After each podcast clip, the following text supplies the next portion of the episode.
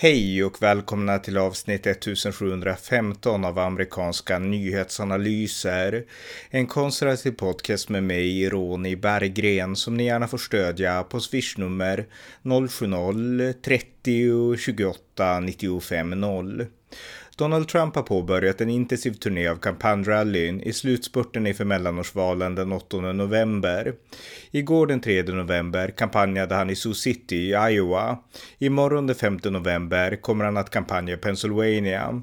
På söndag den 6 november håller han ett rally i Miami, Florida. Och dagen före valet, på måndag den 7 november, kampanjar han i Ohio. Här berättar jag om rallyt i Iowa igår. Varmt välkommen välkomna! Ja, som jag sagt tidigare så har ju Donald Trump, den tidigare presidenten, hägrat som en skugga för många av de republikanska kandidaterna i det här mellanårsvalet. Somliga har sökt hans endorsement och somliga har också fått det. Andra har förfäktat Trumps valkonspirationsteorier från 2020 i primärvalen för att få stöd av Trumps America First-rörelse och MAGA-väljarna. Och eh, andra har eh, tonat ner det här pratet efter att de väl har vunnit de republikanska primärvalen då. Eh, men Trump har alltid funnits där som en skugga för, för republikanerna och ofta i debatterna, både i primärvalsdebatterna och i de allmänna debatterna nu mot sina demokratiska rivaler, så har moderatorerna ställt frågor om Donald Trump. Man har frågat vad tycker ni om Trump? Vad tycker ni om hans valfuskteorier? Köper ni dem fortfarande? Eh, kommer ni att acceptera valresultatet? Det är frågor som har kastats på de republikanska kandidaterna och det är en konsekvens av att Trump har så starkt fortsatt inflytande i det republikanska partiet. För demokraternas del så har Trump mer varit ett slags spöke att försöka skrämma väljare med och eh, säga till väljarna att om ni röstar på en republikansk kandidat, då får ni Donald Trump. Om ni röstar på en republikansk kandidat så får ni en konspirationsteoretiker. Om ni röstar på en republikansk kandidat så bäddar ni liksom väg för ett nytt, en ny stormning av Kapitolium. Ungefär så har Demokraterna eh, orerat på här, oavsett om det är Barack Obama eller Joe Biden eller Hillary Clinton eller någon annan. Men det, de har skrämts med Trump som ett spöke.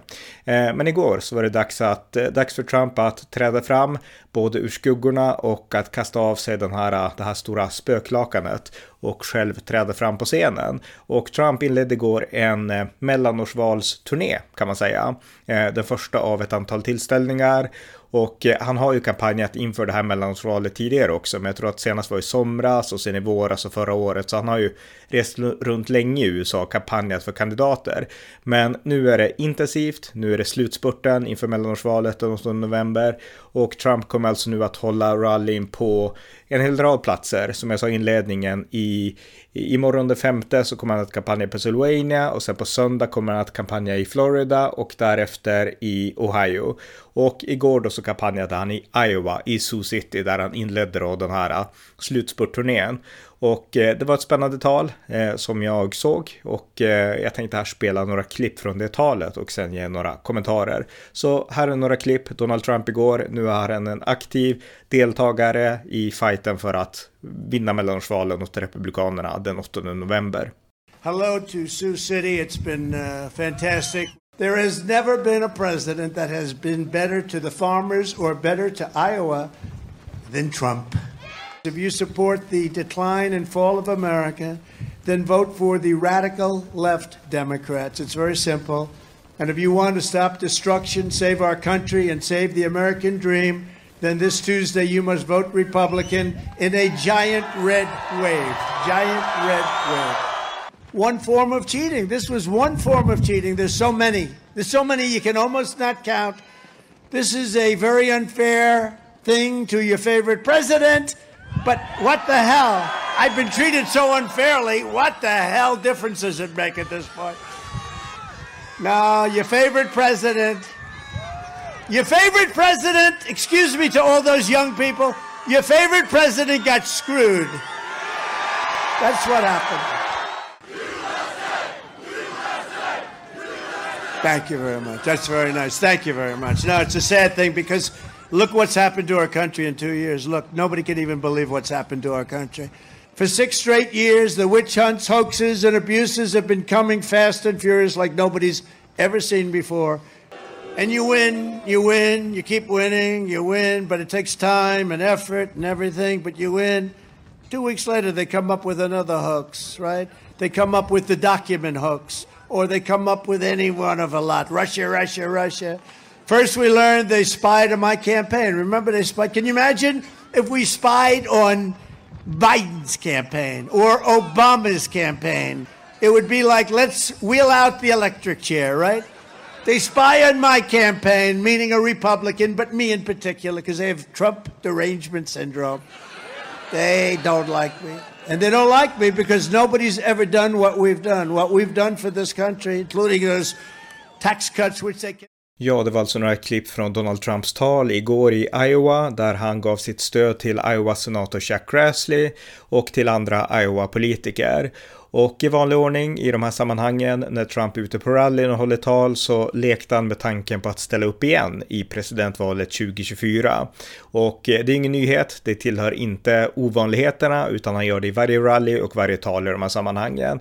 Men i det här talet så tyckte jag att han var extra mycket nära gränsen till att tagnera en, alltså en pålysning att han verkligen skulle kandidera. Han säger ju aldrig det rakt ut utan han le leker med tanken. Men jag tycker att i det här talet så var han närmare än någonsin att, att verkligen få det till att låta som det. Alltså att I, have to do, I might have to do it again och eh, eh, Demokraterna har kört USA i botten och vi måste göra USA säkert igen och ja, vem vet, jag kanske behöver göra det här igen ungefär. Eh, han höll på så och han gjorde extra mycket i det här talet tyckte jag.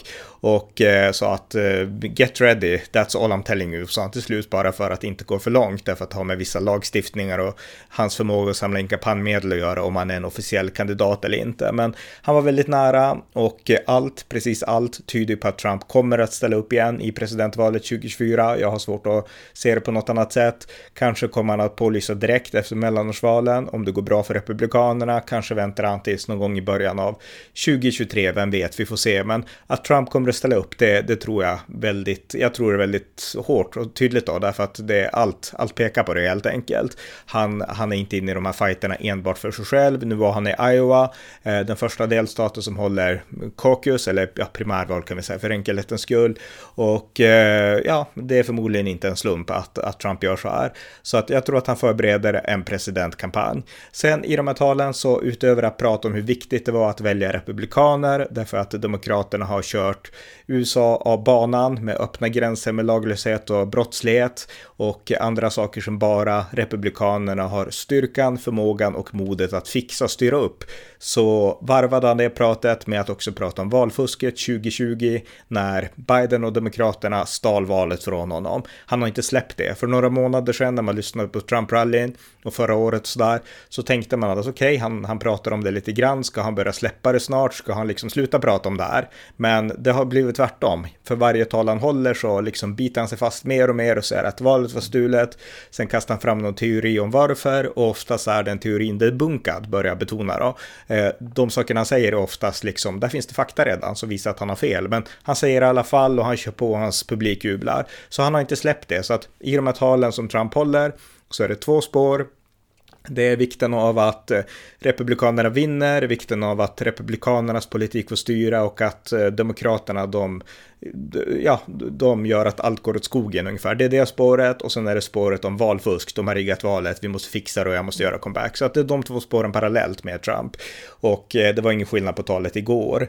Eh, nytt för det här talet, vad jag vet i alla fall, det var att eh, på slutet av talet, då brukar ju Trump alltid hålla en slags plädering, en vädjan och en förmaning till sina lyssnare. Han säger ungefär alltid samma saker, att nationen styrs av en elit, det blir värre och värre, skolorna funkar inte, nationen funkar inte, det behövs republikaner och vi måste ordna det här, brukar han säga. Och kom ihåg att det här landet, det är inte deras, utan det är ert land. Det är ert land, ert Amerika, brukar han säga.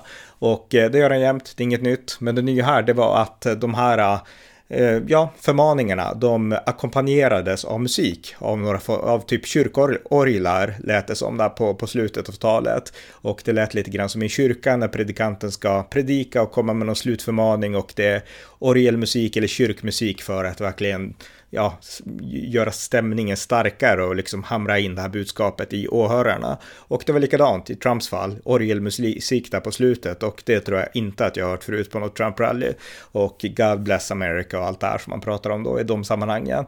Så att det var nytt, om inte annat, i, i Trumps fall tror jag åtminstone. Eh, men det var lite om Trumps tal igår. Han kommer ju som sagt att fortsätta den här turnén som jag sa, åka till de andra delstaterna. Pennsylvania, Ohio, eh, Miami och sådär. Eh, och eh, han kommer att fortsätta fightas för att Republikanerna ska vinna de här primärvalen. Och på så vis tror jag att han kan göra mycket nytta. Han visar att han stöder Republikanerna och han kan få ut de kärnväljare som är viktiga för Republikanernas del för att vinna det här valet. Men eh, ja, det, det var bara lite kort om det här. Så att vill ni följa Trump så, så kan ni göra det eh, nu de här närmaste dagarna. Nu är han inte längre bara en skugga för Republikanerna eller ett spöke att, spränga, att skrämmas med för Demokraternas del, utan han är en aktiv kampanjare nu för att Republikanerna ska vinna mellanårsvalen. Och eh, det fick ni några smakprov på här i det här avsnittet. Ni har lyssnat till amerikanska nyhetsanalyser, en podcast som vill ge det konservativa perspektiv på amerikansk politik som saknas i Sverige. Podden kan stödjas på swishnummer 070-30 28 95 0 eller via hemsidan usapool.blogspot.com på Paypal, Patreon eller bankkonto. Skänk också om ni har möjlighet en slant till valfri Ukraina-hjälp Återigen, tack för att ni lyssnar på amerikanska nyhetsanalyser.